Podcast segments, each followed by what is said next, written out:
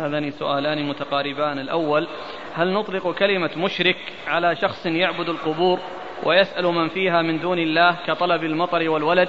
إذا بينت له التوحيد ودعوت ودعوته إليه وما الدليل على ذلك؟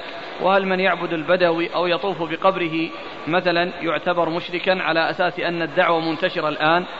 والآخر يقول كثيرا ما نسمع العلماء يقولون لا يكفر المعين إلا إذا توفرت الشروط وانتفت الموانع. فما هي تلك الشروط والموانع؟ آه، آه، دعوة غير الله عز وجل الشرك هو أن يدعو غير الله. كما قال الرسول صلى الله عليه وسلم لابن مسعود لما قال له أي شرك أي ذنب أعظم عند الله؟ قال أن تجعل لله ندا وهو خلقك. أن تجعل لله ندا وهو خلقك.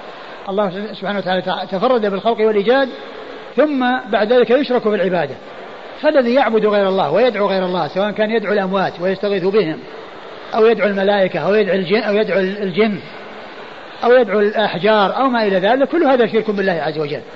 وكل هذا كفر بالله عز وجل. والإنسان الذي آه، آه، ابتلي بذلك عن جهل تقام عليه الحجة ويبين له. فإن آه، تاب وأناب فذلك خير وإلا فإنه يحكم بكفره. وهذا هو الكفر الشرك الأكبر. وهذا هو الكفر الأعظم الذي يخرج من الملة.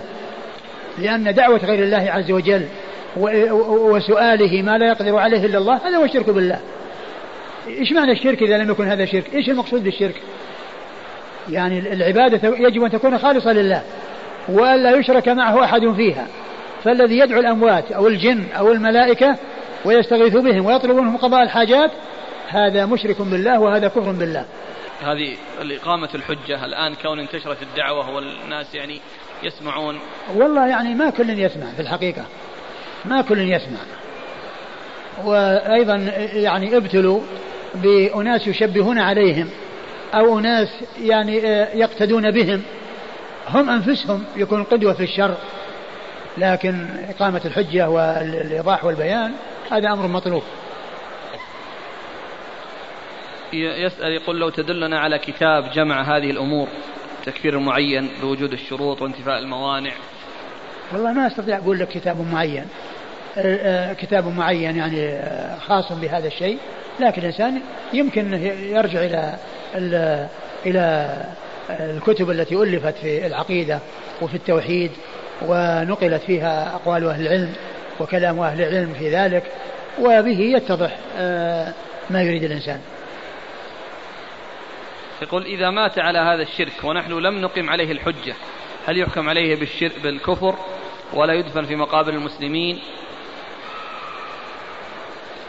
والله يعني هو أقول هو لا شك أنه يعني مات على على غير توحيد ولكن كونه آه، يبادر إليه وهو حي بأن يكفر وأن آه، يعني لا بد من البيان. لكن استمر على هذا ومات فإنه لا لا يعني أقول لا لا يدفن في مقابر المسلمين ولا يصلى عليه ولا يعامل معاملة المسلمين لأنه مات على الشرك بالله عز وجل. هل يجوز في العقيقة أن يقوم أن يقوم بها أحد أقرباء الطفل مع مع وجود أبيه تبرعا؟ يجوز. أقول يجوز للإنسان أنه يعني يتولى العقيقة عن عن عن صاحبه أو عن ولده أو قريبه له ذلك. له أن يقوم بذلك وله أن يعطيه القيمة. ويشتري ذاك. كل ذلك سائغ يقول أكثر الأئمة عندنا يقنتون في كل صلاة فجر فهل نرفع أيدينا معهم في القنوت مع أننا نرى بدعية ذلك؟ القنوت قنوتان قنوت في النوازل وقنوت في الوتر. والقنوت في النوازل جاء رفع اليدين فيه عن رسول الله صلى الله عليه وسلم والقنوت في الوتر جاء عن عمر وعن أبي هريرة وعن بعض الصحابة رضي الله تعالى عنهم. والقنوت في الفجر بصفة دائمة هذا ليس من السنة. لأنه لم يأتي فيه سنة ثابتة عن رسول الله صلى الله عليه وسلم وإنما القنوت جاء في النوازل ولم يأتي بصفة مستمرة. فإذا صلى إمام يقنت في الفجر فعليك أن تصلي وراءه. ولا تترك الصلاة وراءه لأنه يقنت ولكنه لكنك لا ترفع يديك. لا ترفع يديك لأن هذا القنوت يعني غير مشروع. ولكن لك أن, أن, أن تستمر معه في الصلاة وتوافقه في الصلاة ولكنك لا ترفع يديك.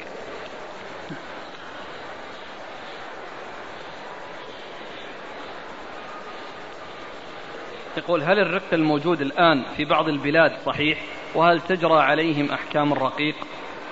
والله إن كان أنه يعني مبني على توارث وتناسل من شيء قديم يمكن أن يكون له وجه. وأما إذا كان سرقة أو شبه سرقة وما إلى ذلك فهذا يعني اغتصاب وليس رقا شرعيا ولا أدري أنا عن الحقيقة.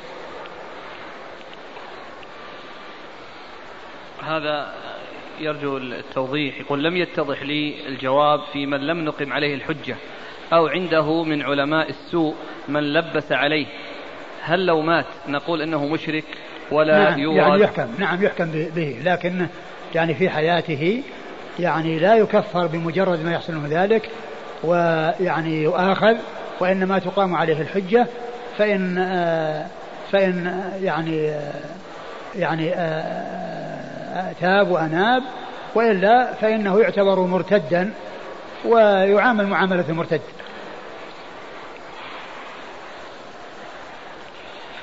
يقول إن بعض من ينتسب إلى الإسلام يدعون غير الله مثل أصحاب القبور وإذا قيل لهم إن هذا الفعل شرك بالله يقولون إنه لا يكون شركا لأننا لا نعتقد أن له صمدية. هل هذا صحيح؟ لا يعتقد له صمدية. الصمد من أسماء الله الخاصة به التي لا تضاف إلى إلى غيره ولا يوصف بها غيره أو لا يسمى بها غيره مثل الصمد والرحمن.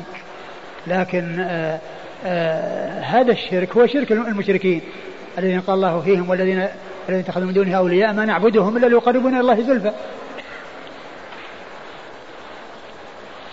ما حكم الشرع في الخواطر التي تسيطر على الإنسان؟ الأشياء التي تهجم على الإنسان وهي رديئة وغير طيبة وهو يعني يكرهها ولا يرضاها ويحاول التخلص منها هو معذور فيها ولكن الشيء الذي يولده الإنسان ويحييه الإنسان ويذكيه الإنسان بالاستسلام والانقياد هذا هو الذي أثر على الإنسان ولهذا الرسول صلى الله عليه وسلم يعني جاء عنه أن أن أن أن أن, الشيطان لا يزال بأحدكم يقول من خلق كذا من خلق كذا حتى يقول له من خلق الله فمن وجد شيء من ذلك فلينتهي وليقل آمنا بالله يقول آمنا بالله ما يجعل هذه الأفكار آه، تتولد وتت آه، يعني آه، يعني ينشأ بعضها عن بعض ويولد بعضها بعضا وإنما يصرف نفسه عنها. فإذا كرهها وصرف نفسه عنها فهو على خير. وإن أصر عليها وأبقاها ولم يصرف نفسه عنها بل استحسنها فهذا على شر. هل الشرط الذي جاء في القرآن من علم الخيرية في العبد لازم؟ كما في قوله تعالى إن علمتم فيهم خيرا. في المكاتبة. آه والذين يتولون الكتاب ملكة أيمانكم فكاتبوهم إن علمتم فيهم خيرا. آه الذي يبدو أنه ليس بلازم لأن الإعتاق والمكاتبة يعني كما هو معلوم حتى مع كون الإنسان يعني غير مستقيم وحتى مع كونه فاسقا آه يمكن. نعم.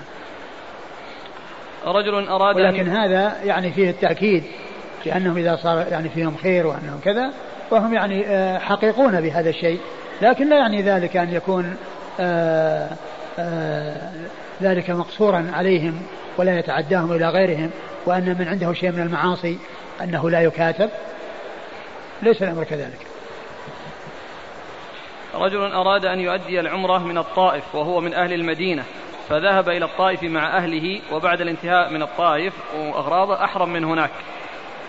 نعم إذا كان أنهم يعني بيذهبون للطائف أولا ثم يأتون منه ويعتمرون لا بأس بذلك لأن دخولهم إلى مكة في الأول ما كانوا يريدون العمرة في هذه السفرة وإنما كانوا يريدونها بعد مجيئهم من من من, من الجهة التي ذهبوا إليها. كأنهم ذهبوا إلى أبها أو ذهبوا إلى الطائف أو ذهبوا إلى جهة الجنوب وقالوا أننا سنجعل العمرة في الآخر.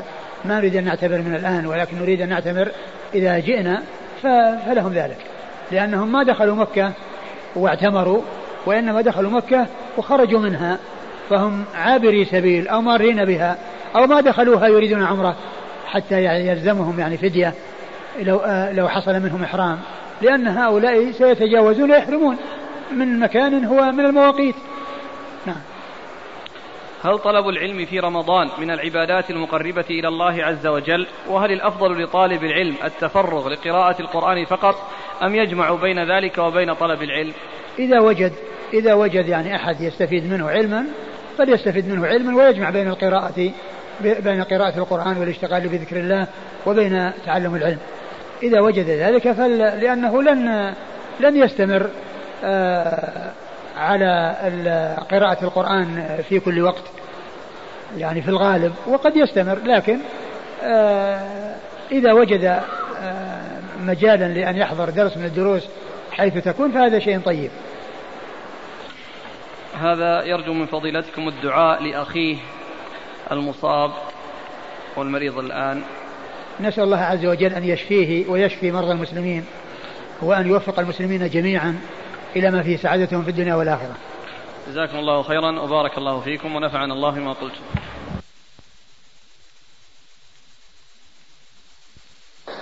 بسم الله الرحمن الرحيم. الحمد لله رب العالمين. والصلاة والسلام على عبد الله ورسوله نبينا محمد وعلى آله وصحبه أجمعين. أما بعد قال الإمام أبو داود السجستاني يرحمه الله تعالى باب في من ملك ذا رحم محرم. قال حدثنا مسلم بن إبراهيم وموسى بن إسماعيل.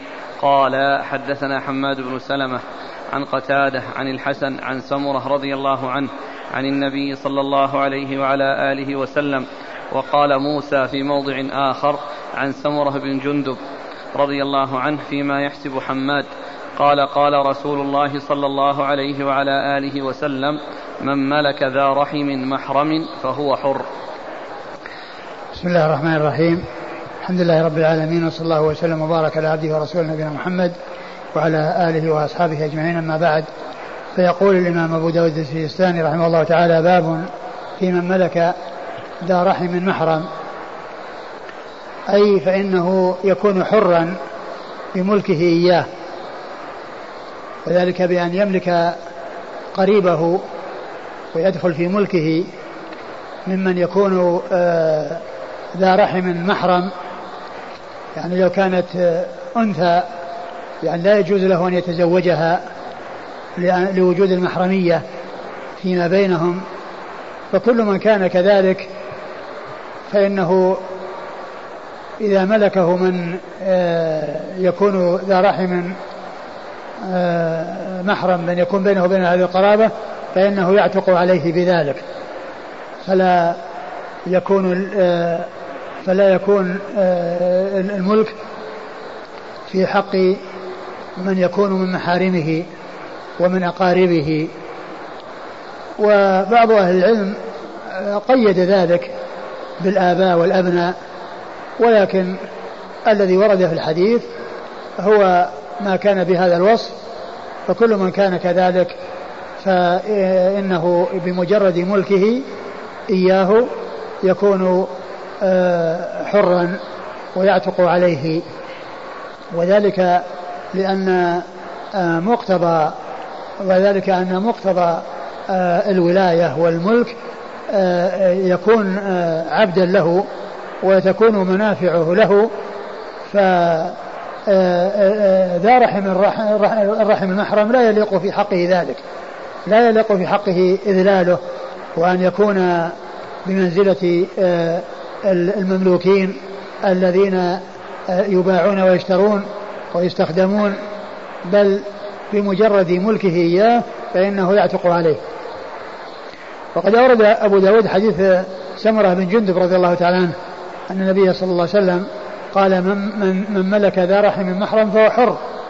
يعني ذلك الذي يملكه وهو من آه، ممن هو بهذا الوصف فإنه يكون حرا بمجرد ملكه إياه.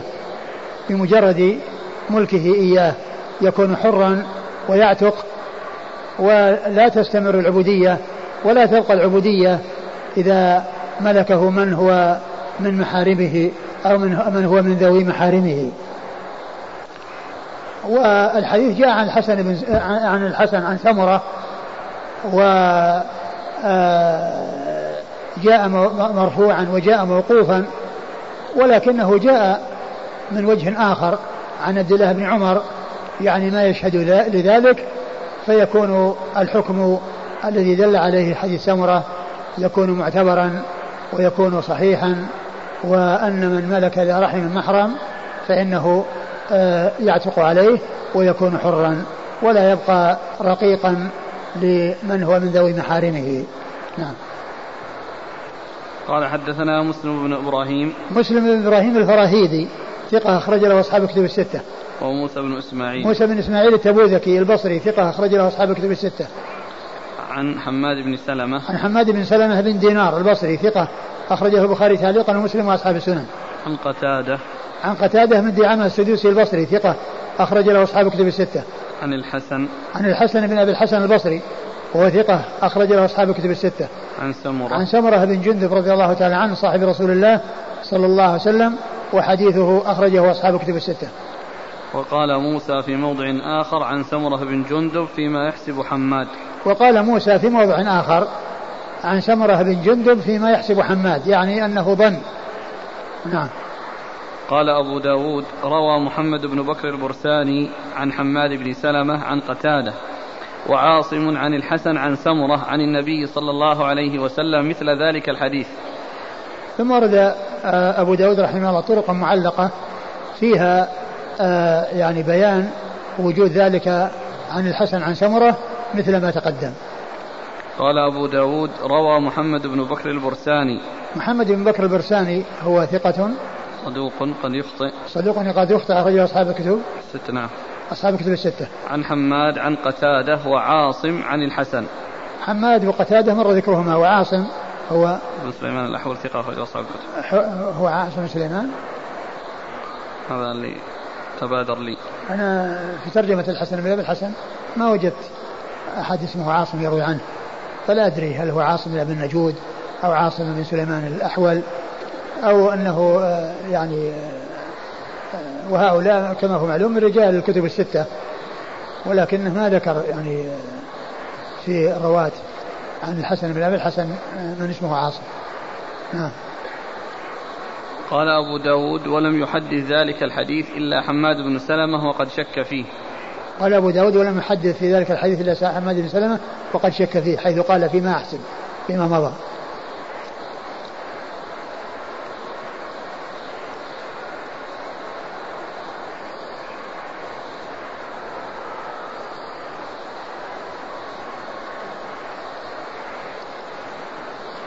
قال حدثنا محمد بن سليمان الأنباري قال حدثنا عبد الوهاب عن سعيد عن قتادة أن عمر بن الخطاب رضي الله عنه قال من ملك ذا رحم محرم فهو حر. ثم ورد أبو داود هذا الأثر عن عمر بن الخطاب رضي الله عنه. أن عن عمر رضي الله عنه قال من ملك ذا رحم محرم فهو حر. وهذا عن عمر موقوف عليه ولكن فيه انقطاع لأن قتادة لم يدرك عمر بن الخطاب رضي الله عنه. نعم. قال حدثنا محمد بن سليمان الأنباري. محمد بن سليمان الأنباري ثقة أخرجه أبو داود. صدوق. صدوق أخرجه أبو داود. عن عبد الوهاب. عبد الوهاب آه، ابن عبد المجيد الثقفي ثقة أخرجه أصحاب كتب الستة. في بعض طرق هذا الحديث. ذكروا عبد الوهاب بن عطاء الخفاف. عبد الوهاب بن عطاء. عبد الوهاب بن عطاء؟ أي يعني تحفة. أيوه. لما ذكره قال عبد الوهاب بن عطاء. طيب عبد الرحمن بن عطاء. عبد الوهاب. عطاء عبد الوهاب بن عطاء. الخفاف. ابن خفاف وهو صدوق ربما أخطأ أخرج البخاري في خلق أفعال العباد ومسلم وأصحاب السنة. صدوق ربما أخطأ أخرج حديث البخاري في خلق أفعال العباد ومسلم وأصحاب السنة. عن سعيد عن قتادة. عن سعيد عن قتادة وقد مر ذكرهما.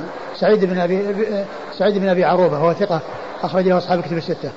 قتادة مر ذكره عمر بن الخطاب هو أمير المؤمنين وثاني الخلفاء الراشدين الهاديين المهديين.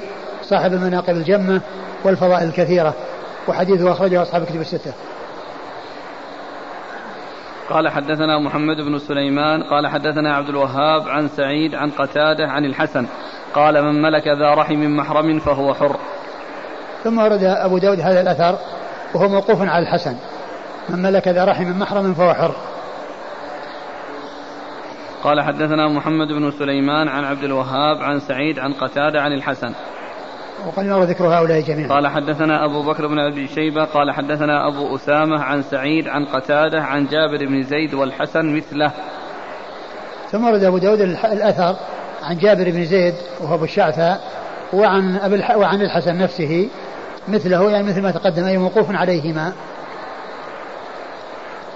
قال حدثنا أبو بكر بن أبي شيبة. أبو بكر بن أبي شيبة هو عبد الله بن محمد وهو ثقة أخرجه أصحاب كتب الستة إلا الترمذي. عن أبي أسامة. عن أبي أسامة حماد بن أسامة. وهو ثقة أخرج له أصحاب كتب الستة. عن سعيد عن قتادة عن جابر بن زيد. سعيد عن قتادة مر ذكره وجابر بن زيد هو أبو الشعثة ثقة أخرج له أصحاب كتب الستة. عن جابر والحسن. والحسن مر ذكره. مثله قال أبو داود سعيد أحفظ من حماد. قال أبو داود سعيد أحفظ من حماد يعني في آه، روايته عن قتادة. لأن هناك يعني حماد روى عن قتادة وهنا سعيد يروي عن قتادة. ويعني سعيد إنما جاء عنه موقوفا على الحسن وعلى الحسن وعلى الحسن وجابر بن زيد.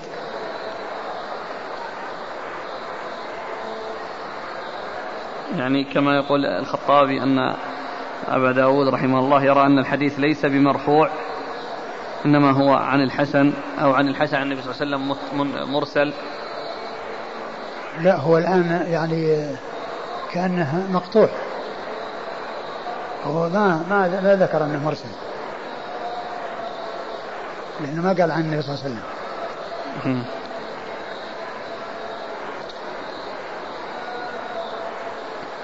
يقول السائل من ملك أم زوجته هل تعتق؟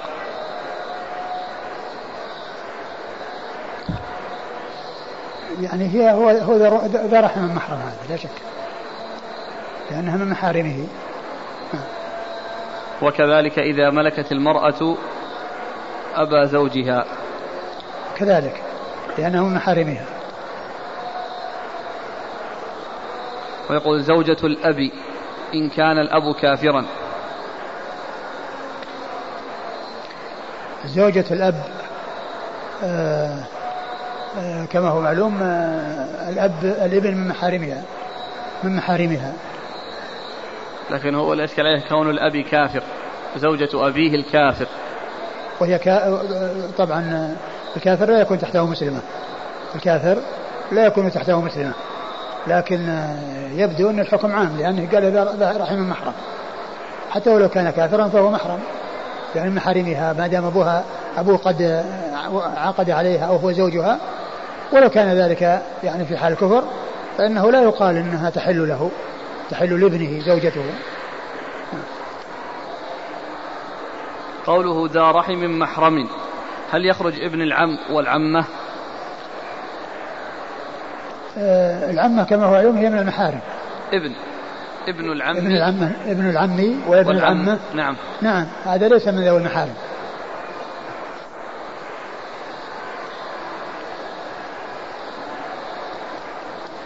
قال رحمه الله تعالى باب في عتق أمهات الأولاد. قال حدثنا عبد الله بن محمد النفيلي. قال حدثنا محمد بن سلمة عن محمد بن إسحاق عن خطاب بن صالح مولى الأنصار عن أمه عن سلامة بنت معقل رضي الله عنها امرأة من خارج قيس عيلان.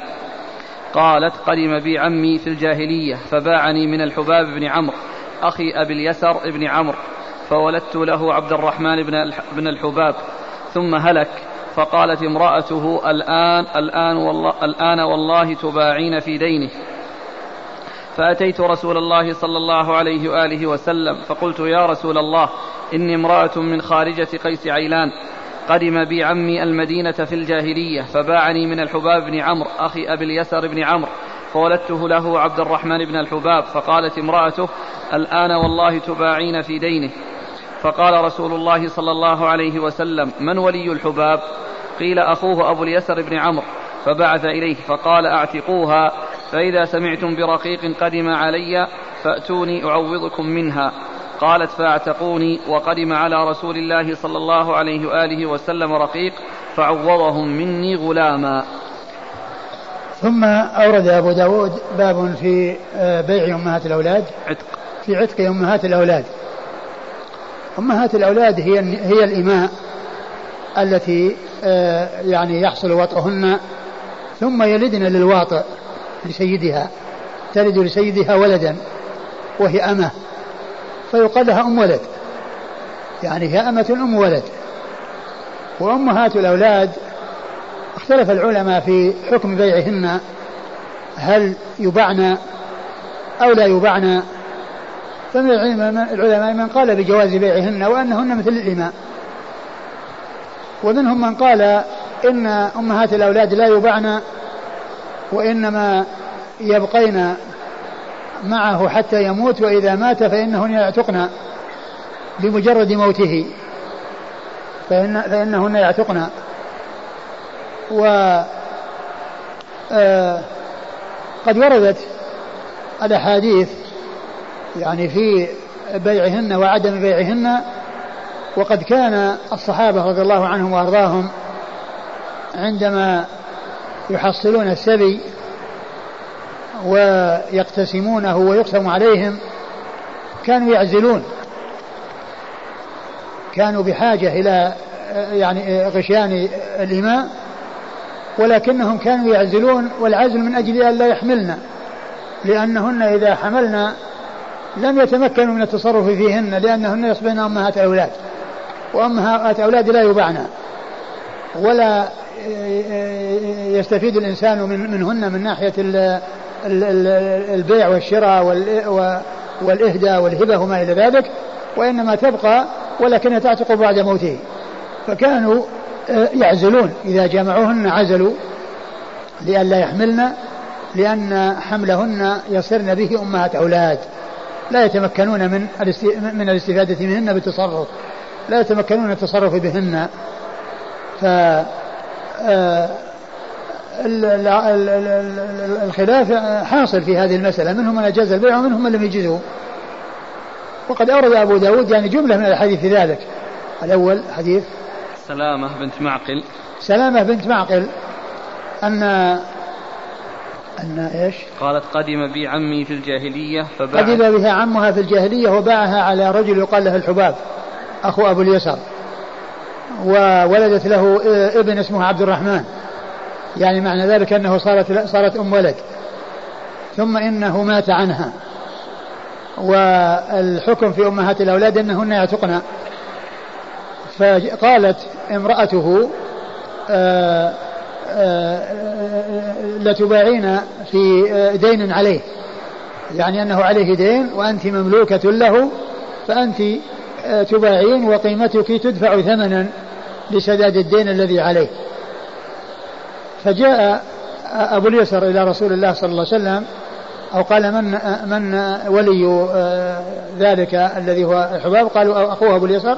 فجاء إليه وقال وأخبره وقال أعتقوها وأعوضكم عنها من أول ما يفيء الله علينا ثم إنه بعد ما جاءه سبي أعطاه مكانها غلاما. وهذا فيه يعني عدم بيع أمهات الأولاد وفيه أيضا شيء يدل على أن أنه حصل التعويض. وحصول التعويض يعني يشعر بأن الحكم فيه شيء يعني من ناحية أن أنه ليس هناك مجرد عتق لأن ما دام فيه تعويض وقيل أن هذا إكرام من الرسول صلى الله عليه وسلم لكن الحديث ضعيف الحديث ضعيف غير ثابت لأن في إسناده آآ آآ امرأة مجهولة امرأة لا تعرف حالها وابنها الذي يروي عنها مقبول هو إيش؟ خطاب بن صالح عن أمه. خطاب بن صالح عن أمه امه مجهولة لا تعرف حالها وخطاب بن صالح مقبول فالحديث غير صحيح وغير ثابت عن النبي صلى الله عليه وسلم. قال حدثنا عبد الله بن محمد النفيلي. عبد الله بن محمد النفيلي هو ثقة أخرج حديث البخاري وأصحاب السنن. عن محمد بن سلمة. محمد بن سلمة الباهلي الحراني وهو ثقة أخرج حديث البخاري في جزء القراءة ومسلم وأصحاب السنن. وهذا في طبقة شيوخ شيوخ أبي داود. لأن أبا داود آه، آه، يروي عن محمد بن سلمة عن اثنين أحدهما في طبقة شيوخه والثاني في طبقة شيوخ شيوخه. فإذا جاء محمد بن سلمة شيخ لأبي داود فالمراد به المرادي المصري. المراد به المرادي المصري. إذا قيل محمد بن سلمة يراد به المرادي. وإذا جاء محمد بن سلمة في طبق الشيوخ شيوخه يروي عنه أبو داود بواسطة فيراد به الحراني الباهلي. الحراني الباهلي. وهذا في طبق الشيوخ شيوخه فهو الحراني الباهلي وهو كما قلت ثقة أخرج حديث البخاري في جزء القراءة ومسلم وأصحاب السنة. عن محمد بن إسحاق. محمد بن إسحاق المدني صدوق أخرج حديث البخاري تعليقا ومسلم وأصحاب السنة. عن خطاب بن صالح. عن خطاب بن صالح وهو مقبول أخرج له أبو داود. عن أمه. عن أمه وهي لا يعرف لا, لا تعرف أخرج لها أبو داود. عن سلامة بنت معقل عن سلامة بنت معقل وهي صحابية أخرج لها أبو داود. قال حدثنا موسى بن إسماعيل قال حدثنا حماد عن قيس عن عطاء عن جابر بن عبد الله رضي الله عنهما أنه قال بعنا أمهات الأولاد على عهد رسول الله صلى الله عليه وآله وسلم وأبي بكر رضي الله عنه فلما كان عمر رضي الله عنه نهانا فانتهينا. ثم ورد حديث جابر آه قال بعنا أمهات الأولاد على عهد رسول الله صلى الله عليه وسلم وعلى عهد أبي بكر فلما كان في عهد عمر نهانا فانتهينا. وهذا قيل فيه لعل الأمر أنه كان أنه كان سائغا يعني في زمن النبي صلى الله عليه وسلم ثم حصل النهي عنه ولكنه لم آه، يعني آه، يعلم أو لم يحصل يعني شيء يقتضيه لقلته وندرته ولكون عهد أبي بكر كان قصيرا ومدته وجيزة لأنها سنتان لأنها سنتان وأشهر. ولما جاء في زمن عمر رضي الله عنه حصل يعني ذلك فنهاهم عمر رضي الله تعالى عن ذلك آه، لأنه يعني جاء شيء يدل عليه فانتهوا عن ذلك الذي كانوا يفعلونه من قبل. نعم. قال حدثنا موسى بن إسماعيل عن حماد عن قيس. موسى بن إسماعيل عن حماد آه، عن قيس وهو قيس بن قيس بن سعد وهو آه، المكي وهو ثقة أخرج البخاري تعليقا ومسلم وأبو داود والنسائي وابن ثقة أخرج البخاري تعليقا ومسلم وأبو داود والنسائي وابن ماجه. عن عطاء عن جابر. عطاء بن أبي رباح المكي ثقة أخرج له أصحاب كتب الستة. عن جابر بن عبد الله الأنصاري رضي الله عنهما صحابي ابن صحابي وهو أحد السبعة المعروفين بكثرة الحديث. عن النبي صلى الله عليه وسلم. إذا الراجح في المسألة أنها أنها لا تباع أمهات الأولاد. لا تباع أمهات الأولاد. ثم أيضا الحديث الذي أشرت إليه وهي أنهم كانوا يعزلون من أجل أن لا تحمل. ولو كان الأمر يعني ما في فرق ما احتاج إلى العزل. ما احتاج إلى العزل. لو كان الأمر يعني أنه ما في ما في محذور. لكنهم كانوا يعزلون من أجل أن لا تكون أمهات أولاد.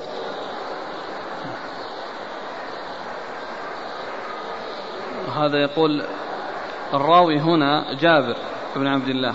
وقد ذكر هو كذلك حديث العزل. كنا نعزل القرآن ينزل. فكيف يكون الجمع؟ فلو كان العزل خوفا من العتق فكيف يخفى هذا على جابر رضي الله عنه؟ لا هو ال ال العزل يعني يقول كنا نعزل والقرآن ينزل لو كان شيء عندنا هنا عن القرآن. لكن لماذا كانوا يعزلون؟ يعزلون لأن لا تحمل أمهات الأولاد. لا, لا تحمل الإمام فتكون أمهات الأولاد. وهذا قد جاء في بعض الحديث السبي. أنهم يعني اشتاقوا وأنهم يعني آه، فلما قسمت عليهم قسم عليهم السبي آه، صاروا آه، يطعونهن ولكن يعزلون. لأن لا يحصل فقول كنا نعزل والقرآن ينزل هذا يدل على على جواز العزل. وهذا الذي فعلوه هو يعني فعلوه أمرا جائزا. يعني فعلوا أمرا جائزا الذي هو العزل. والرسول صلى الله عليه وسلم ما نهى عن العزل وإنما أخبر أن العزل لا يرد شيء قدره الله. لأن إذا قدر الله الولد فإنه يحصل الحمل مع ولو وجد العزل. قد يعني تنطلق نقطة وقطرة يكون بها الحمل من غير اختيار الإنسان. وقد جاء في صحيح مسلم في نفس أحاديث العزل ليس من من كل المني يكون الولد. ليس من كل المني يكون الولد. يعني معناه أن الولد يكون بشيء يسير جدا. قد يفوت وقد يتسرب. يعني قطرة فيكون منها الولد. مو معناه أن الحمل ما يكون إلا بدون عزل وأنه لابد أن يكون كل شيء حصل بل شيء يسير جدا يحصل فوات الحرص يحصل به الحمل بإذن الله. ولهذا جاء في حديث العزل أن أنه ليس من كل من يكون الولد والحديث في صحيح مسلم. يقول هل تعتق الأمة بمجرد أن تلد لسيدها؟ لا إذا مات. لأنها تبقى في يعني في ملكه ولا وليس له أن يبيعها وهو يستمتع بها وإذا مات عتقت عليه. ما تعتق في الحال. وهل يجوز بيع؟ لأنه لو عتقت في الحال ما ما بقي أن يكون هناك مجال للبيع. لو عتقت في الحال ما بقي هناك مجال للبيع. ولكن كون هناك فترة يعني موجودة بين ولادتها وبين موت سيدها فإنها لا تباع في هذه الفترة وهي تعتق بموته. وهل يجوز بيع الأمة وهي حامل؟ نعم يجوز بيع الأمة وهي حامل. وكما هو معلوم ال ال ولد الأمة أولا يعني أولاد الإماء هم تبع للإماء. يعني في في الحرية في في في, في يعني في, في, في الرق. فإذا كانت الأمة رقيقة فإنه يكون ولدها رقيق. إلا في آه، يعني بعض الأحوال المستثنات وهي كون الإنسان عندما يتزوج الحر يتزوج أمه ويشترط أن يكون ولده حرا فإنها لا فإنه لا يكون آه، تابعا لها. لأن الحر يجوز له أن يتزوج الأمة آه، إذا عجز عن الحرة. ولم يستطع الطول الذي يزوج به الحرة ولكنه إذا اشترط حرية ولده فإن الولد يكون حرا. لا آه، الحامل منه الحامل منه يعني كما هو معلوم آه، طبعا هذه يصير أم ولد له يعني ليس له أن يبيعها يعني يبيع يعني معناه يبيع يبيع ولده لأن يعني الذي في بطنها ولد له. ولكن الكلام في إذا كانت يعني آه، متزوجة أو مزوجة وهي قد حملت فإن يعني الذي يملكها يبيعها. ومعلوم أن ولدها إنما هو تابع لها في الرق إلا فيما استثني. يعني ومن هذه المسألة. وفي مسألة أخرى وهي يعني مسألة الغرر يعني كونه غرة يعني يعني ذكروها في في, في الفرائض. في مسألة في كتاب في في في, في مباحث الفرائض يعني في ما يتعلق ب آه، آه، موانع النكاح موانع الإرث رق وقتل واختلاف ديني نعم. يقول كيف الجواب عن ما ورد في سنن النسائي كنا نبيع سرارينا أمهات الأولاد والنبي صلى الله عليه وسلم حي لا يرى بذلك بأسا. يعني هذا كان مثل ما مر عن جابر أنهم كانوا يفعلون ذلك في حياة الرسول صلى الله عليه وسلم ولكنه نسخ. يعني كان يعني المنع الجواز أولا ثم منع. وهذا الذي جاء عن عمر أنه نهاهم فيما بعد. قال رحمه الله تعالى بيع في باب في بيع المدبر. قال حدثنا أحمد بن حنبل قال حدثنا هشيم عن عبد الملك بن أبي سليمان. عن عطاء وإسماعيل بن أبي خالد عن سلمة بن كهيل عن عطاء عن جابر بن عبد الله رضي الله عنهما أن رجلا أعتق غلاما له عن دبر منه ولم يكن له مال غيره فأمر به النبي صلى الله عليه وآله وسلم فبيع بسبعمائة أو بتسعمائة. ثم رد أبو داود أبو داود رحمه الله باب في بيع المدبر. والمدبر هو الذي يعلق آه، السيد عتقه على وفاته. يقول إنه حر بعد وفاته. يعني معناه يعني يوصي أو يكتب أو يقول بأنه حر بعد وفاته. هذا هو المدبر. وقيل له مدبر لأن العتق علق على الموت والموت دبر الحياة. والموت دبر الحياة لأنه يأتي بعدها بعد الحياة. فالعتق لم يكن ناجزا وإنما كان معلقا بالموت ومرتبا على الموت ومرتبا على الموت. فلهذا قيل له المدبر والتدبير هو العتق بعد الموت. والعتق يعني بعد الموت هو يعتبر وصية وللإنسان أن يرجع في هذه الوصية وللإنسان أن أن يعني يبقيها ولكنها تحسب من الثلث. يعني يعني تكون داخلة في الثلث يكون العتق أو يكون هذا الشخص يعني الذي آه، دبر آه، أي اعتق عن دبر يعني بعد الموت يكون من جملة الثلث. أورد أبو داود حديث من؟ حديث جابر. حديث جابر رضي الله عنه قال أن رجلا أعتق غلاما له عن دبر منه لم يكن له مال غيره. فأمر به النبي صلى الله عليه وسلم فبيع بسبعمائة أو بتسعمائة. أه الحديث ورد عن جابر يعني وفيه أن أن أن رجلا أعتق أه غلاما له عن دبر يعني بعد الموت ولم يكن له مال غيره وكان بحاجة إليه فالرسول باعه وأعطاه إياه وقال أنفقه على نفسك أنت أولى.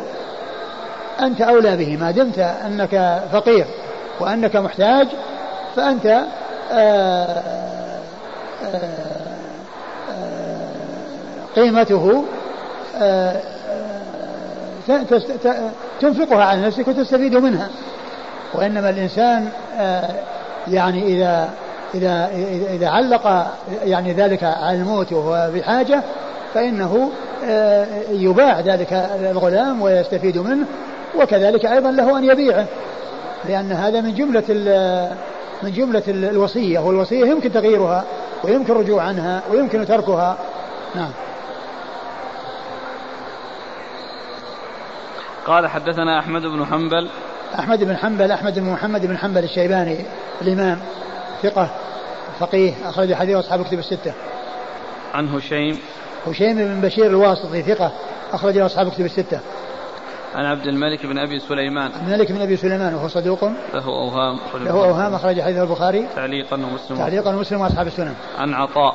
عن عطاء بن أبي رباح ثقة أخرجه أصحاب كتب الستة. وإسماعيل بن أبي خالد. وإسماعيل بن أبي خالد ثقة أخرجه أصحاب كتب الستة. عن سلمة بن كهيل. عن سلمة بن كهيل ثقة أخرجه أصحاب كتب الستة. عن عطاء عن جابر. عن عطاء عن جابر وجابر هو ابن عبد الله مر ذكره.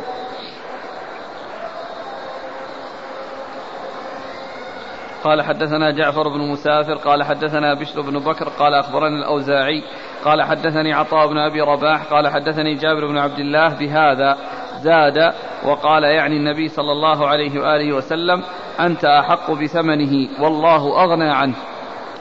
ثم ورد أبو داود حديث جابر من طريق أخرى وفيه أن النبي قال أنت أحق بثمنه والله أغنى إيش؟ أغنى عنه. عنه. نعم. والله أغنى عنه. لأن المقصود أنه كونه يعتق يعني يعتق الإنسان وهو قادر وهو متمكن. أما أن يكون الإنسان بحاجة وهو فقير فهو أولى. نعم. طيب ورح ما خلاها الثلث نجز الثلث وبقى. لا هو هو يعني آه هو باعه وهو, وهو حي. لا وأعطاه قيمته وتخلص منه. أقول باعه قبل أن يموت يعني ما مات. وأعطاه أعطاه الذي علق وفاته عن دبر يعني لم يقره على ذلك بل باعه وأعطاه إياه فدل هذا على جواز بيع المدبر. لأنه محتاج إليه. نعم. قال حدثنا جعفر بن مسافر. جعفر بن مسافر صدوق. ربما أخطأ أخرج أبو داود والنسائي بن ماجه. صدوق ربما أخطأ أخرج أبو داود والنسائي بن ماجه. عن بشر بن بكر. عن بشر بن بكر وهو ثقة أخرج البخاري وأبو داود والنسائي بن ماجه. ثقة أخرج البخاري وأبو داود والنسائي بن ماجه. عن الأوزاعي. الأوزاعي عبد الرحمن بن عمرو الأوزاعي. ثقة فقيه. أخرج له أصحاب كتب الستة. عن عطاء بن أبي رباح عن جابر. عن عطاء بن أبي رباح عن جابر وقد مر ذكرهما. قال حدثنا أحمد بن حنبل قال حدثنا إسماعيل بن إبراهيم قال حدثنا أيوب عن أبي الزبير عن جابر رضي الله عنه أن رجلا من الأنصار يقال له أبو مذكور أعتق غلاما له يقال له يعقوب عن دبر ولم يكن له مال غيره. فدعا به رسول الله صلى الله عليه وآله وسلم فقال من يشتريه فاشتراه نعيم بن عبد الله بن النحام رضي الله عنه بثمانمائة درهم فدفعها إليه. ثم قال إذا كان أحدكم فقيرا فليبدأ بنفسه فإن كان فيها فضل فعلى عياله فإن كان فيها فضل فعلى ذي قرابته. أو قال على ذي رحمه فإن كان فيه فإن كان فضلا فها هنا وها هنا. ثم ورد أبو داود حديث جابر رضي الله عنه أن أن رجلا أن رجلا من الأنصار يقال له أبو مذكور. يقال له أبو مذكور أعتق عبدا له عن دبر ولم يكن له مال غيره. فالرسول صلى الله عليه وسلم باعه بثمانمائة درهم وأعطاه إياه. وقال آه يعني إذا كان إذا كان أحدكم فقيرا فليبدأ بنفسه. إذا كان أحدكم فقيرا فليبدأ بنفسه. ثم على على عياله يعني من من يعول. ثم يعني ها هنا وها هنا يعني تصدق به إذا كان زايد. نعم. قال حدثنا أحمد بن حنبل عن إسماعيل بن إبراهيم. إسماعيل بن إبراهيم بن علية ثقة أخرجه أصحاب كتب الستة. عن أيوب. أيوب بن أبي تميمة السختياني ثقة أخرجه أصحاب كتب الستة. عن أبي الزبير. عن أبي الزبير محمد بن مسلم بن تدرس المكي صدوق أخرجه أصحاب كتب الستة. عن جابر. عن جابر وقد مر ذكره. قال رحمه الله تعالى باب في من أعتق عبيدا له لم يبلغهم الثلث. والله تعالى أعلم وصلى الله وسلم وبارك على عبده ورسوله نبينا محمد وعلى آله وأصحابه أجمعين. جزاكم الله خيرا وبارك الله فيكم ونفعنا الله بما قلتم. يقول السائل إذا حملت الأمة ثم سقط الجنين فهل تكون أم ولد؟ ولها أحكام ذلك؟ لا ما ما, ما أدري ما أذكر.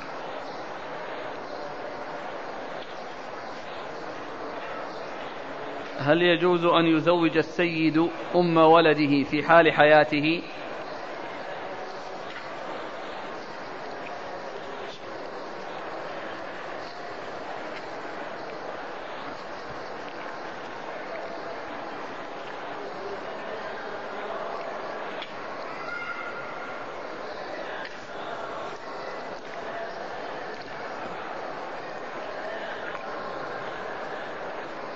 ما أدري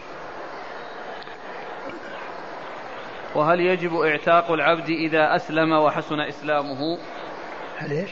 يجب اعتاق العبد إذا أسلم وحسن إسلامه. يجب اعتاقه إذا أسلم وحسن إسلامه؟ يحسب أن العتق بس للكفار لا أبدا. لأن ال ال ال الاسترقاق يعني سببه الكفر و يعني قد يبقى على كفره وقد يسلم. فالوجوب ما يجب. ما يجب عتق العبد. ولو أسلم. ولكن كما هو معلوم جاءت الشريعة بالترغيب في العتق وتسهيل الوصول إليه وجاء ذكر الكفارات يعني في ذلك يعني وأن وأن آه، العتاق مقدم في الكفارات أو في كثير من الكفارات. نعم. يقول إذا اعتق الحر أمة. وقد وطئها قبل ذلك ثم اعتقها. فهل يجوز له أن يطأها أو لا بد من أن يعقد عقد نكاح لأنها صارت حرة؟ إيش السؤال؟ هل؟ حر أعتق أمة وقد أيوة. وطئها قبل ذلك. أيوة. فبعد أن اعتقها هل يجوز له أن يطأها أم لا بد أن يعقد عليها عقد نكاح؟ خلاص إذا اعتقها ملكت نفسها. إذا أعتقها ملكت نفسها وإذا أرادت فله أن يعقد عليها.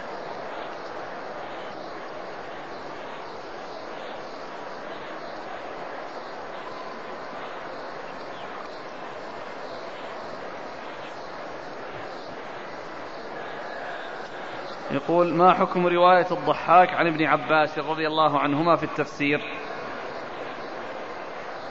والله ما أذكر.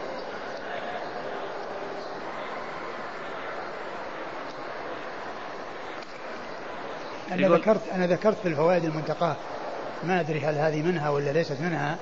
يعني آه بعض الطرق عن ابن عباس في التفسير. يعني في فيما في, في, في قسم التفسير في الفوائد المنتقاة ما أدري هل هذا منها أو ليس منها. أنا لما أذكر يعني إيش إيش الحكم. يقول وما حكم العزل؟ جائز. العزل جائز. كنا نعزل والقرآن ينزل. لو كان شيء ينهى عنه لنهى عن لنهانا عنه القرآن.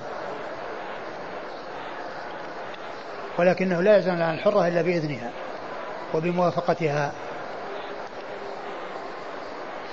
في الحديث الأخير فيه آه، الرجوع في الصدقة. هذا فيه آه، كما هو عدم إقرار لأن الإنسان أقول الإنسان يعني يتصدق على نفسه أولا يعني ما هو يوسع على غيره ويضيق على نفسه فهو ومن يعول أولى.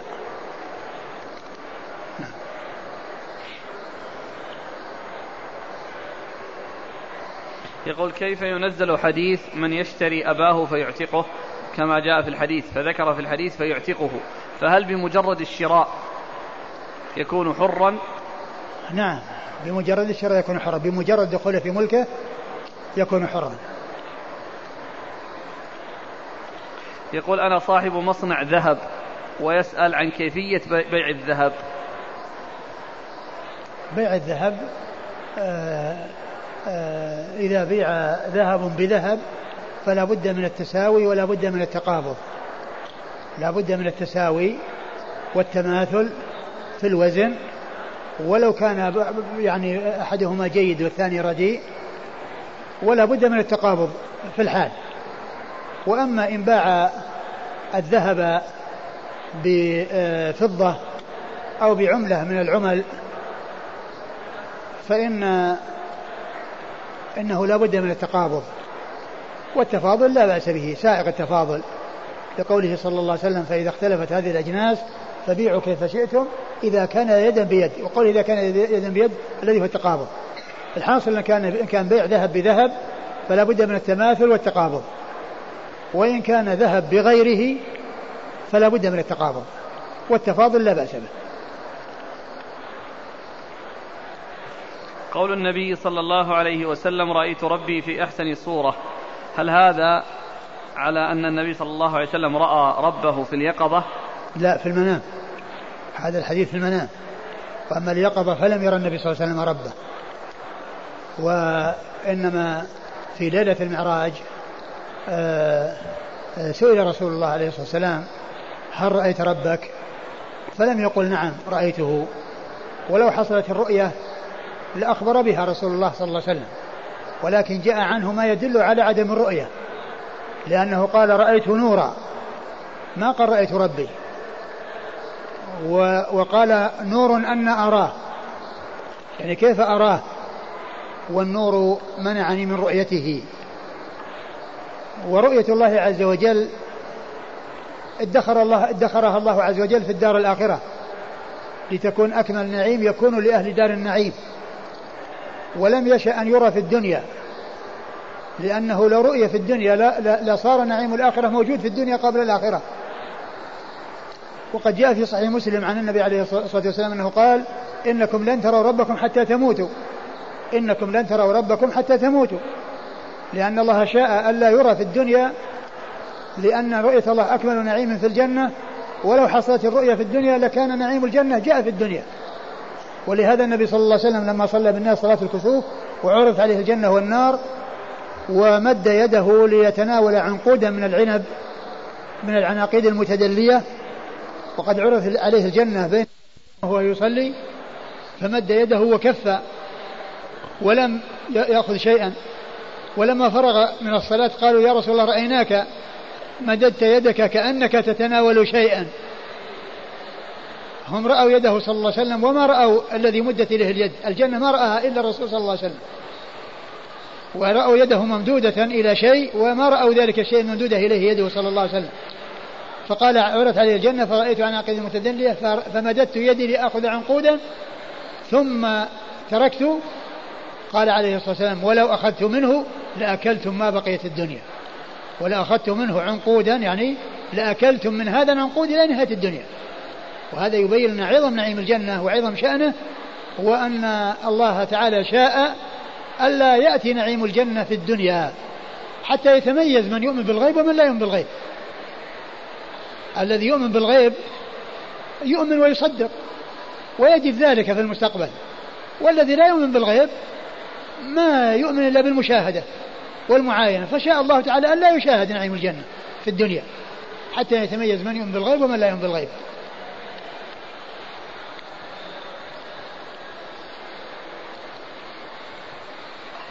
يقول هل تجوز مكاتبة أم الولد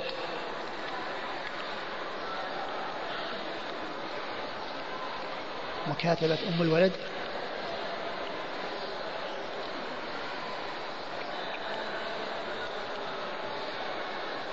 يعني يبدو أن ذلك جائز لأن هذا سبيل إلى إلى إلى إلى المبادرة بعتقها.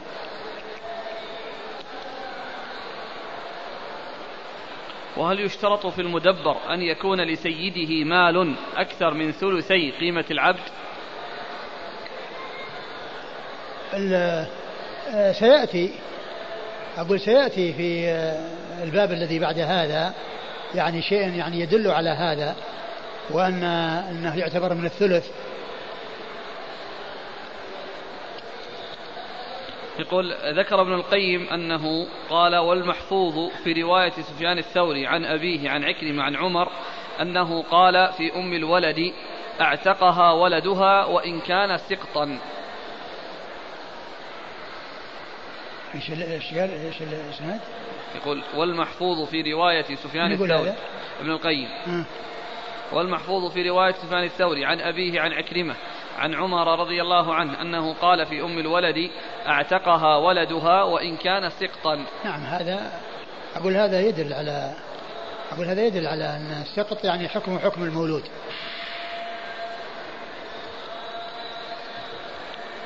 هل هناك فرق بين زيارة القبر النبوي وبين السلام عليه عند الحجرة؟ زيارة القبر النبوي والسلام عند الحجرة هو شيء واحد. لأن كونه يسلم عليه الحجرة هو نفس الزيارة. إيش معنى؟ إيش الفرق بين هذا وهذا؟ إيش الفرق؟ يعني يزور القبر ويسلم عليه الحجرة هذه الزيارة. ما ما في فرق بين بين الشيئين المسؤول عنهما.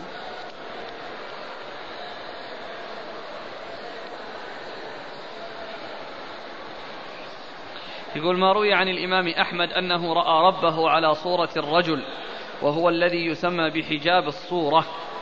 هل هذا صحيح؟ لا لا أعرف عن هذا شيئا. ولكن الذي ثبت في حق الرسول صلى الله عليه وسلم أما غيره الله تعالى أعلم.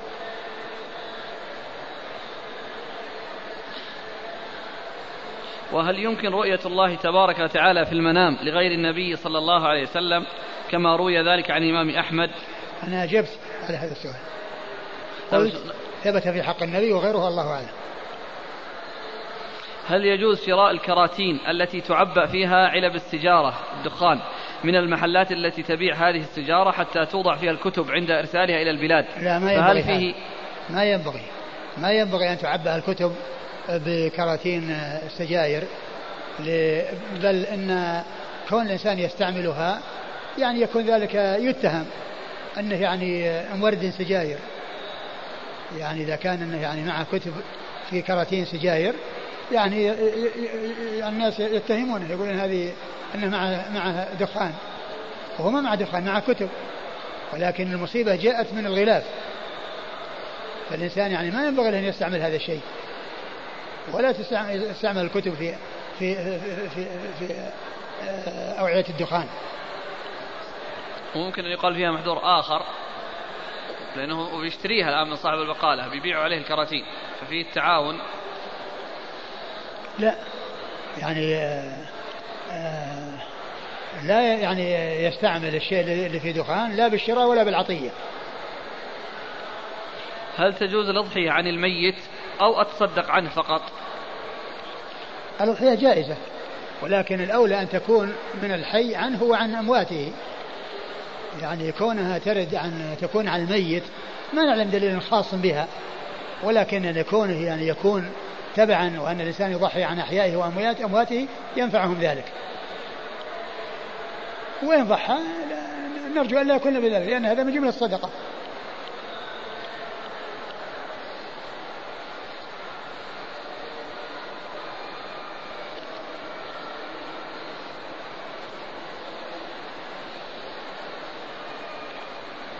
يقول بالنسبة لاستخدام الخاتم الدبلة يقول عند الزواج عندنا عادة منتشرة وفي بعض الناس يشترط على من يريد أن يتزوج ابنته أن يستخدم الخاتم. والله عليه أنه يبين السنة ويقول إن هذا أمر منكر وأمر محدث ونحن مسلمون والمسلمون يستسلمون وينقادون لما جاء عن الله وعن رسوله صلى الله عليه وسلم. والرسول يعني نهى عن التشبه بالكفار. وهذا من تقاليد الكفار فيقنعهم بأن هذا غير سائغ وأنه يعني لا يفعل ذلك. و آه، فإن اقتنعوا وإلا فإنه يبحث عن أناس يتبعون السنة ولا آه، يصرون على آه، الأخذ بالبدعة. إذا أوصى أحد بأن لا يباع العبد إن هو مات عبده إن مات وكان أهله فقراء في حاجة إلى بيعه فهل يباع ويخالفون الوصية؟ أوصى أن لا يباع. أي إيش سوى؟ يعني يعني يصير يصير حر. يعني أوصى بأن يكون حر. يكون في عذبه قال هذا عذبوه لا لا يعتق ابدا. لا ليس له ذلك. كيف لا يعتق ابدا؟ العتق مطلوب. أو العتق مطلوب. وهو يملك ذلك في حياته ومن بعد وفاته ما له دخل.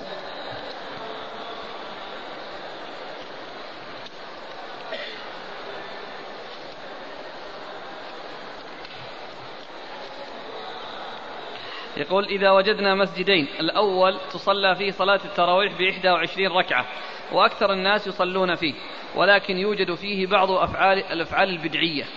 والثاني تصلى فيه إحدى عشرة ركعة ولكن لا يصلي فيه إلا عدد قليل من المسلمين. فبأي ما نصلي؟ ما ندري إيش معنى البدعية هذه. هل هي يعني هل هي بدعية صحيحة أو أنها أو أنها متوهمة؟ ما ندري إيش البدعة البدعة التي تكون فيه. يعني لو عرفنا إيش نوع البدعة يعني أمكن أن نجيب. آه، آه، قضية 21 ركعة يعني كما هو معلوم آه، ليس هناك مانع يمنع منها بل هي سائغة وجائزة لقوله صلى الله عليه وسلم صلاة الليل مثنى مثنى فإذا خشي أحدكم الصبح أتى بركعة يوتر ما مضى. فهذا يدلنا على أن الأمر في ذلك واسع. ولم يأتي عن النبي صلى الله عليه وسلم شيء يقيد ب 11 ولا ب 13 نعم هو فعل هذا. ولكنه ما قال إنه لا يجوز الزيادة على ذلك بل هذا الحديث يدل على جواز الزيادة وهو قوله صلى الله عليه وسلم صلاة الليل مثنى مثنى فإذا خشي أحدكم الصبح أتى بركعة توتر ما مضى.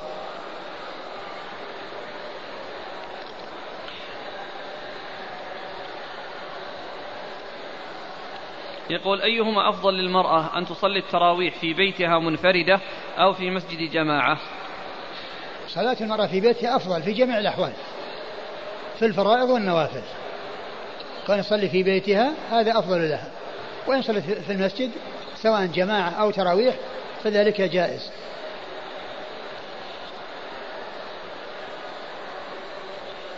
يقول وكذلك بالنسبة لليلة القدر. إذا صلت في بيتها هل يحصل لها فضل الصلاة أو أن ذلك خاص بمن يعتكف في المسجد؟ ليلة القدر غير معلومة. هي في العشر الأواخر. ولكن ليست معلومة التحديد ولكنها في العشر الأواخر فيها وهي واحدة منها. والإنسان الذي يجتهد في العشر الأواخر آه، يكون متحريا لها ويكون على عبادة إذا جاءت وعلى عمل صالح. و آه، قضية الصلاة في البيت أو صلاة المرأة في بيتها هي أفضل في جميع الأحوال سواء في العشر الأواخر أو قبلها أو بعدها صلاتها في بيتها أفضل. وإن جاءت المسجد في العشر أو في رمضان أو في آه، سائر الشهور فإن ذلك جائز.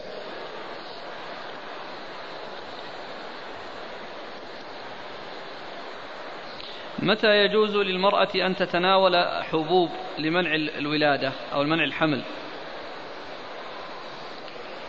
إذا كانت المرأة يعني مريضة والحمل يعني يلحقها به مضرة أو كانت آه، مثلا الأولاد يتوالون ولا تستطيع القيام بهم فلها أن تعمل شيئا يؤخر الحمل ولا ولا يعني آه، يقطعه. قطع الحمل ومنع الحمل يعني آه، أصلا هذا لا يجوز.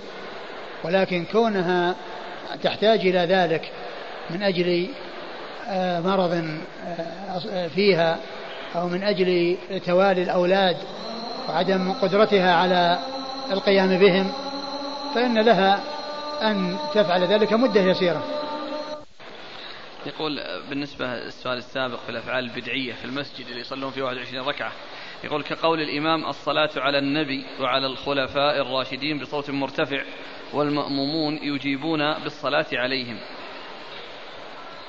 والله لا شك هذا من الأمور المبتدعة. هو الواجب قبل كل شيء هو تنبيههم وتنبيههم على هذا الشيء وأنه لا يقال مثل هذا. الصلاة على النبي وسلم يصلي عليه كل يصلي عليه صلوات الله وسلامه وبركاته عليه بينه وبين نفسه. أما أن يعني يكون هناك أمور مبتدعة يعني مثل هذا فالواجب هو تنبيههم. ولا شك أن المسجد الذي يصلى فيه وخالي من البدع لا شك أنه هو الأولى. لكن إذا كان المسجد الذي يصلى فيه 21 ما هناك يعني أشياء محذورة والجماعة يعني فيه كثيرة. فليكن مع الناس مع, مع هؤلاء الذين يصلون لأن هذا لا يقال أن صلاة 21 خلاف السنة هي من السنة وهي داخلة في ما هو سائغ وجائز. نعم. هذا بالنسبة للكراتين الدخان. يقول إذا أزيلت الدعاية من على ظاهرها. ما أدري إذا كان أمكن. إذا أمكن أنها تزال ما في بأس. لكن ما أدري هل هي يمكن أن تزال أو أنه يعني تبقى يعني الآثار والعلامة بينة. والذين يستعملون الدخان يعرفون آه، أوعية الدخان. يقول أنا طالب في الجامعة في الإقامة مكتوب لا يجوز العمل بأجرة أو بدون أجرة. هل الحكم أنه حرام أم لا؟ والذي يتوسط بينهما هل يدخل في الحكم؟ والله يسأل المسؤولين الذي كتبوا الكلام هذا.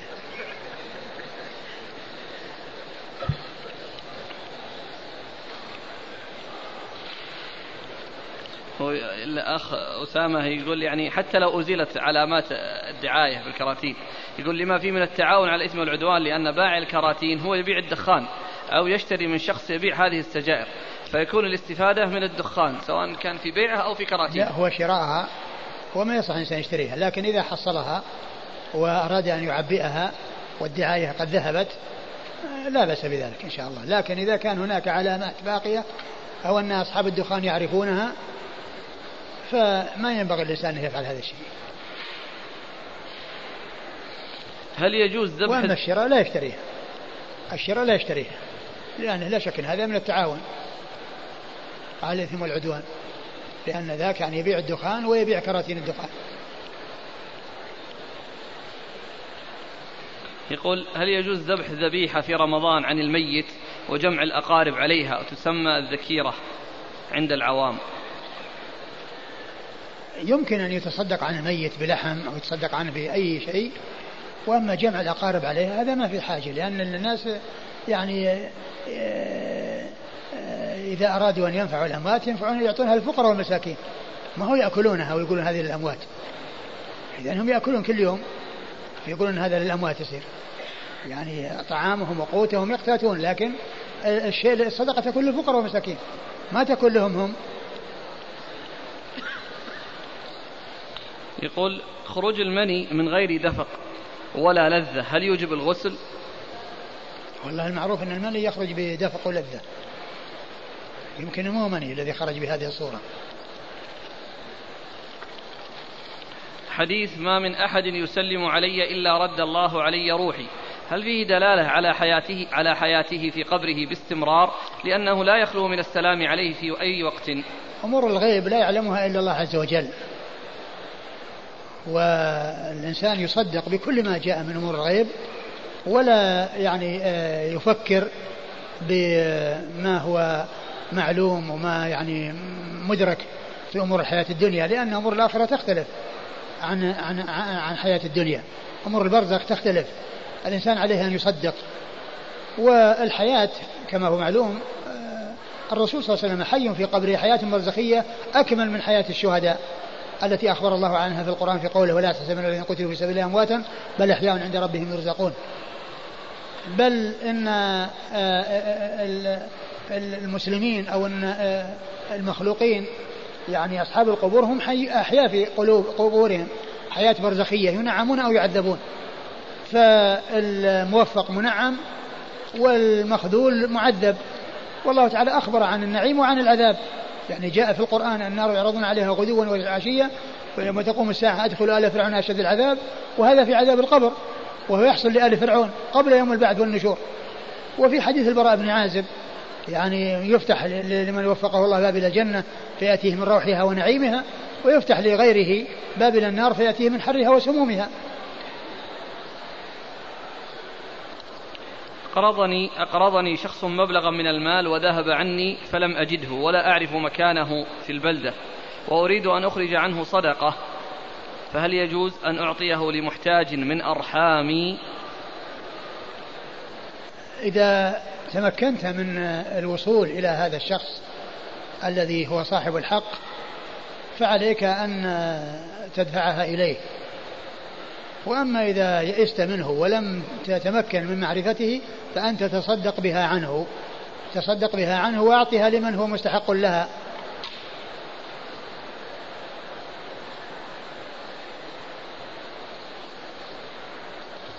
يقول رجل وجد أرضا مهجورة لا يعلم صاحبها فأخذها وبنى عليها ثم جاء صاحبها فطلبها فماذا يفعل؟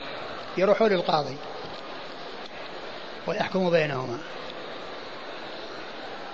يقول أرضعت امرأة في الستين من عمرها ابن ابنها وكان زوجها قد توفي فهو لبن ليس له صاحب.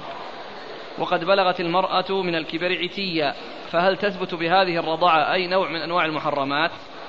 آه إذا كان حصل الرضاع ووجد وكان محرما فإنه يعتبر. جزاكم الله خيرا وبارك الله فيكم ونفعنا الله ما قلتم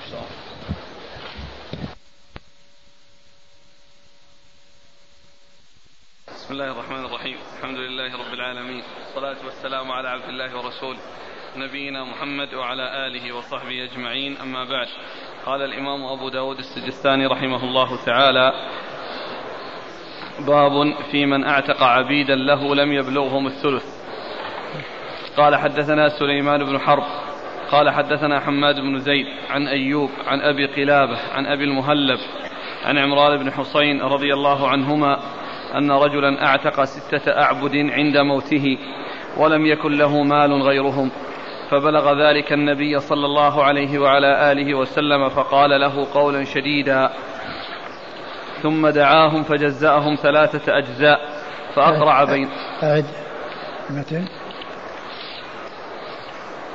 عن عمران بن حصين رضي الله عنهما أن رجلا أعتق ستة أعبد عند موته ولم يكن له مال غيرهم فبلغ ذلك النبي صلى الله عليه وعلى آله وسلم فقال له قولا شديدا ثم دعاهم فجزأهم ثلاثة أجزاء فأقرع بينهم فأعتق اثنين وأرق أربعة. بسم الله الرحمن الرحيم. الحمد لله رب العالمين وصلى الله وسلم وبارك على عبده ورسوله نبينا محمد وعلى آله وأصحابه أجمعين. أما بعد فيقول الإمام أبو داود السجستاني رحمه الله تعالى باب في من اعتق. في من اعتق عبيدا له لم يبلغهم الثلث. آه باب في من اعتق عبيدا له لم يبلغهم الثلث. أي ان أي أنه اعتق آه عبيده ولم يكن ذلك العتق في حدود الثلث وهذا إنما يكون في مرض الموت. وهذا إنما يكون في يعني في مرضه فإنه حكمه حكم ما يكون بعد الموت وأنه بمثابة الوصية. فيعتبر ويقر منه ما كان في حدود الثلث. وما زاد على ذلك فإنه يبقى على ما كان عليه. وقد أورد أبو داود حديث عمران بن حصين رضي الله عنه. أن رجلا أعتق في مرض موته ستة أعبد يعني ليس لهم ليس له مال غيرهم. ومعنى هذا أنه لو كان هؤلاء الستة آه، يشكلون السدس آه، الثلث وأن هناك شيء وراء هؤلاء الستة يعني يعادل الثلثين فإنه يمكن أن يعتبر ذلك. لكن ما دام أن هذا هو كل ماله وليس له مال سواه فإنه يعتق منه في حدود الثلث. والنبي صلى الله عليه وسلم قال في ذلك قولا شديدا يعني أنه آه، لامه وذلك أنه تصرف تصرفا يكون فيه حرمان الورثة وعدم إبقاء شيء لهم. ثم إنه جزأهم ثلاثة أجزاء وأقرع بينهم فالذين خرجت لهم القرعة وهم اثنان من الستة. يعني صاروا أحرارا أو اعتبروا أحرارا والأربعة الباقون أرقهم يعني اعتبرهم أرقاء لأن لأن ما زاد على الاثنين هو خارج عن الثلث فيكون للورثة. يعني هذا المقدار الذي بقي وهو ما زاد على الثلثين فإنه يكون للورثة. وفي هذا دليل على اعتبار الوصية بالثلث وقد جاء في ذلك الحديث الذي فيه الثلث والثلث كثير. ويدل أيضا على أن آآ آآ هذا العتق الذي حصل أنه يجمع ولا يفرق بحيث يعني يكون ستة كلهم مبعضون يكون ثلث كل واحد منهم قد عتق ويبقى الثلثان وإنما جزأهم وأقرع بينهم ومن خرجت له القرعة وهو اثنان من الستة فهما يعتقان أو يعتبران حصل على العتق والحرية والباقون يبقون على الرق. نعم.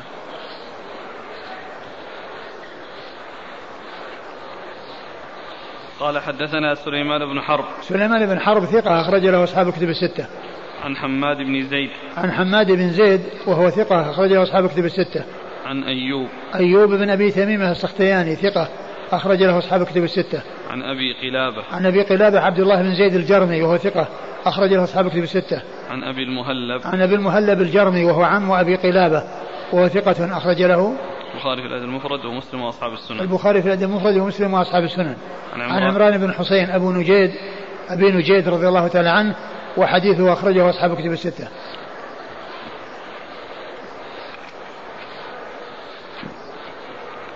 قال حدثنا أبو كامل قال حدثنا عبد العزيز يعني ابن مختار قال حدثنا خالد عن أبي قلابة بإسناده ومعناه ولم يقل فقال له قولا شديدا. ثم ورد أبو داود حديث آه، حمراء بن حسين من طريق أخرى وهو بمعنى الذي قبله وليس فيه قول أنه قال له قولا شديدا يعني أغلظ له ال- الكلام. لكونه تصرف هذا التصرف الذي فيه حرمان الورثة. نعم. قال حدثنا أبو كامل. أبو كامل الجحدري الفضيل بن حسين وهو ثقة أخرج له أصحاب كتب الستة. فضيل بن حسين. فضيل بن حسين. ثقة؟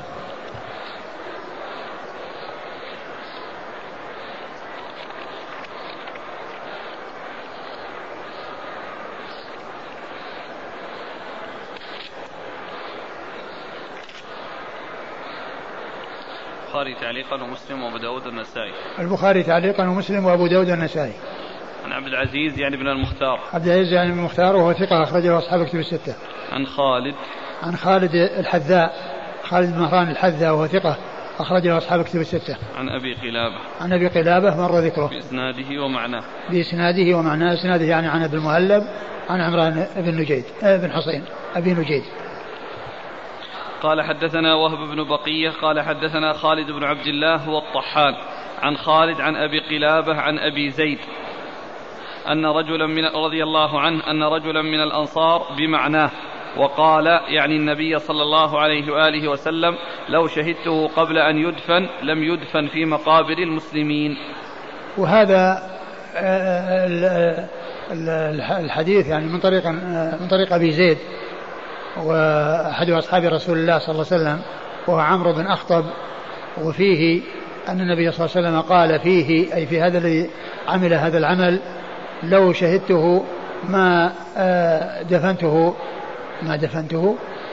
لو شهدته قبل أن يدفن لم يدفن في مقابر المسلمين. لو شهدته قبل أن يدفن ما دفنته في مقابر المسلمين. هذا من الإغلاظ من إغلاظ القول في حقه لأن في الأول قال قولا شديدا وكأن هذا تفسير للإغلاظ الذي جاء مجملا في الرواية السابقة في كونه قال قولا شديدا يعني أنه أغلظ عليه القول في ذلك وقال هذا الكلام في حقه.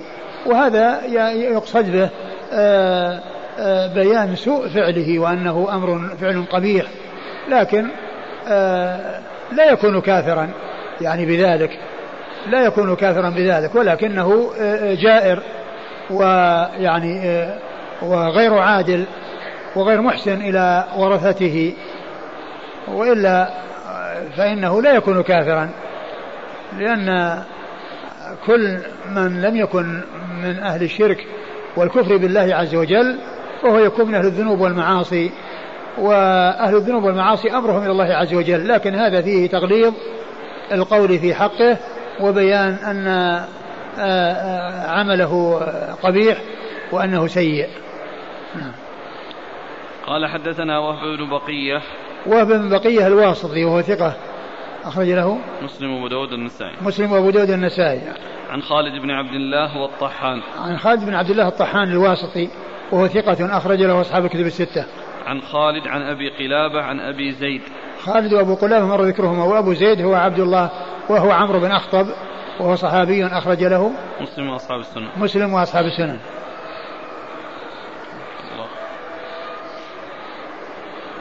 قال حدثنا مسدد قال حدثنا حماد بن زيد عن يحيى بن عتيق وأيوب.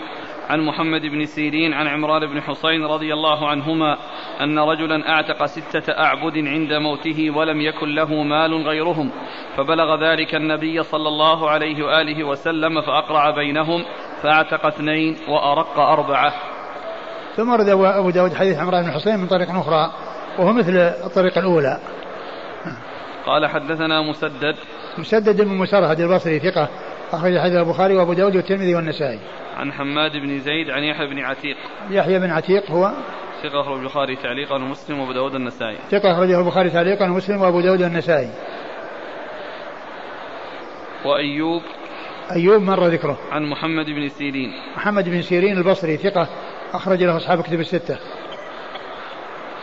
عن عمران بن حصين عن عمران بن حصين وقد مر ذكره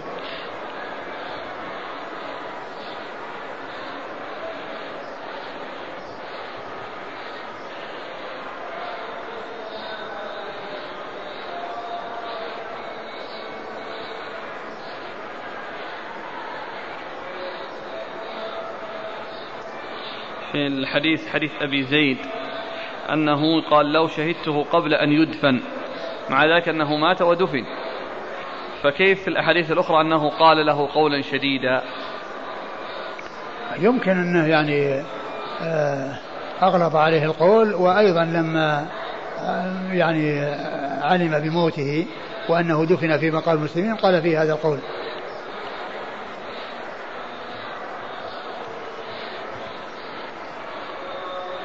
ويمكن أن يكون أغلظ له قولا أغلظ في حقه. يعني يمكن أيضا أنه ما يعني ما خاطبه في هذا الكلام. هو فيه؟ قال دعا به فأتي به. ما في شيء من هذا. كيف؟ في دعا دعا به فأتي به. لا. ما في شيء من هذا. قال يعني أغلظ له يمكن أغلظ في حقه. وإن لم يكن موجودا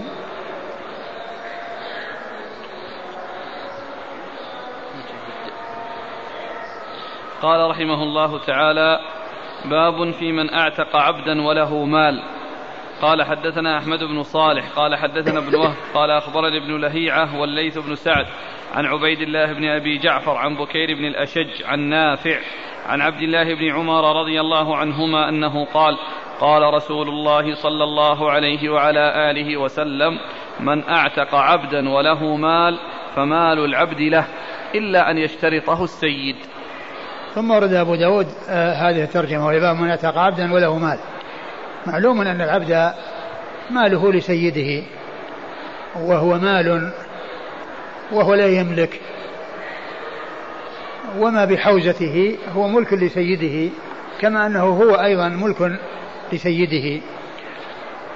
وقد سبق أن مر الحديث من ابتاع عبدا وله مال فماله لبائعه أن يشترط المبتاع.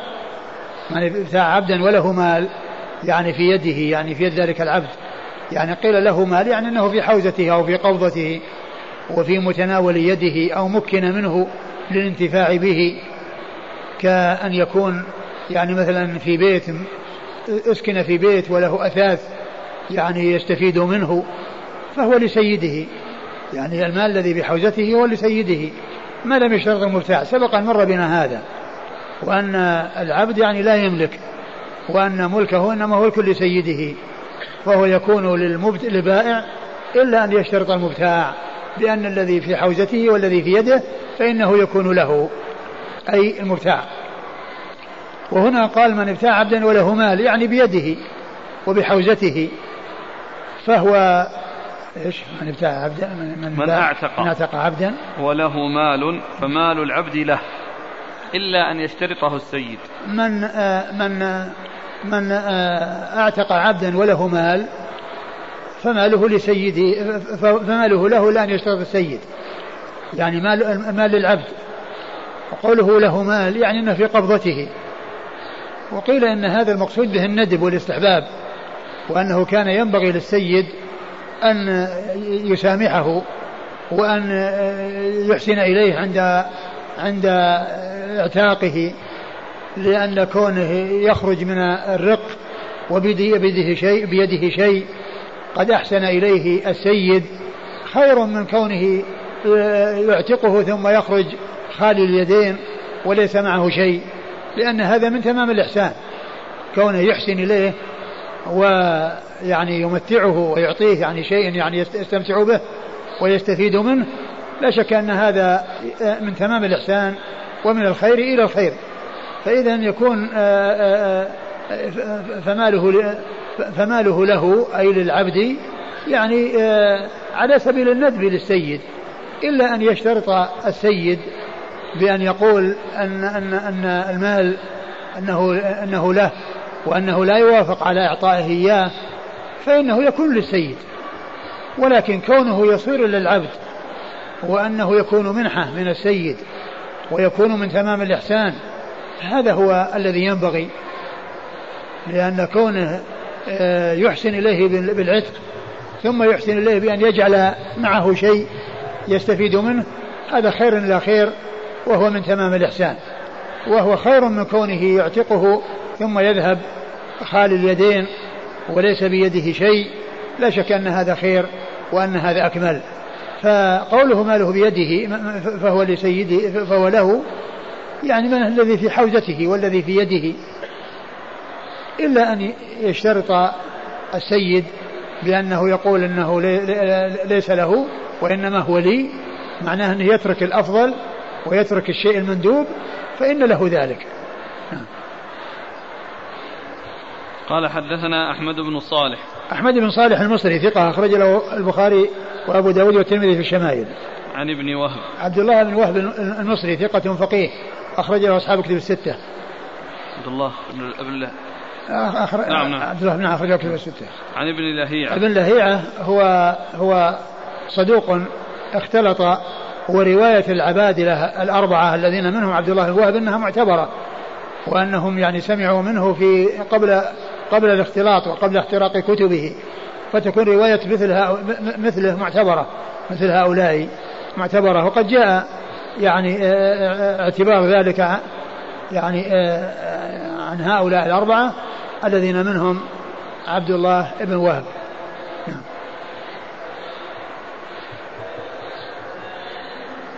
أخرج له مسلم وأبو داود والترمذي. أخرج له مسلم وأبو داود والترمذي وابن ماجه. وابن ماجه. والليث بن سعد. والليث بن سعد يعني أيضا معه. وحديثه وهو ثقة فقيه أخرج له أصحاب كتب الستة. عن عبيد الله بن أبي جعفر. عن عبيد الله بن أبي جعفر وهو ثقة أخرج له أصحاب الكتب. ثقة أخرج له أصحاب الكتب الستة. عن بكير بن الأشج. بكير بن عبد الله بن الأشج وهو ثقة أخرج له أصحاب الكتب الستة. عن نافع. عن نافع مولى بن عمر وهو ثقة أخرج له أصحاب الكتب الستة. عن, ابن عن عبد الله بن عمر بن الخطاب رضي الله عنهما الصحابي الجليل وهو أحد العباد الأربعة من الصحابة وأحد السبعة المعروفين بكثرة الحديث عن النبي صلى الله عليه وسلم. قال رحمه الله تعالى باب في عتق ولد الزنا. قال حدثنا إبراهيم بن موسى قال أخبرنا جرير عن سهيل بن أبي صالح عن أبيه عن أبي هريرة رضي الله عنه أنه قال قال رسول الله صلى الله عليه وعلى آله وسلم ولد الزنا شر الثلاثة. وقال أبو هريرة لأن أمتع, لأن أمتع بسوط في سبيل الله عز وجل أحب إلي من أن أعتق أن أعتق ولد زنية. ثم رد أبو داود باب في عتق ولد الزنا. العتق كما هو معلوم يكون للمسلم والكافر ويكون للطيب والرديء ويكون للصالح والطالح. كل ذلك يكون. وولد الزنا هو من هؤلاء يعني أحد هؤلاء. فقد يكون صالحا ويكون يعني آه، يحصل له العتق وقد يكون فاسقا ويحصل له العتق. والكافر أيضا كذلك يعتق. فالمقصود أن العتق يحصل على كل مسلم وسواء كان صالحا أو طالحا وش أورد حديث أبي هريرة قال صلى الله عليه وسلم ولد الزنا شر الثلاثة. أورد حديث أبي هريرة قال ولد الزنا شر الثلاثة. الثلاثة هم الزاني والزانية والولد الذي تحدر منهما. فقيل إن معنى شر الثلاثة إذا كان على طريقتهما. أنه شر الثلاثة حيث يكون على طريقتهما وعلى منهجهما. وقيل إنه آه، شر يعني حصل يعني من آه، من آه، من ماء حرام ومن لقاء حرام فيكون يعني فيكون فتكون نطفة يعني خبيثة. لكن كما هو معلوم هذا الذي نشأ منها ليس يعني مؤاخذا على ما حصل وإنما المؤاخذة على الزاني والزانية.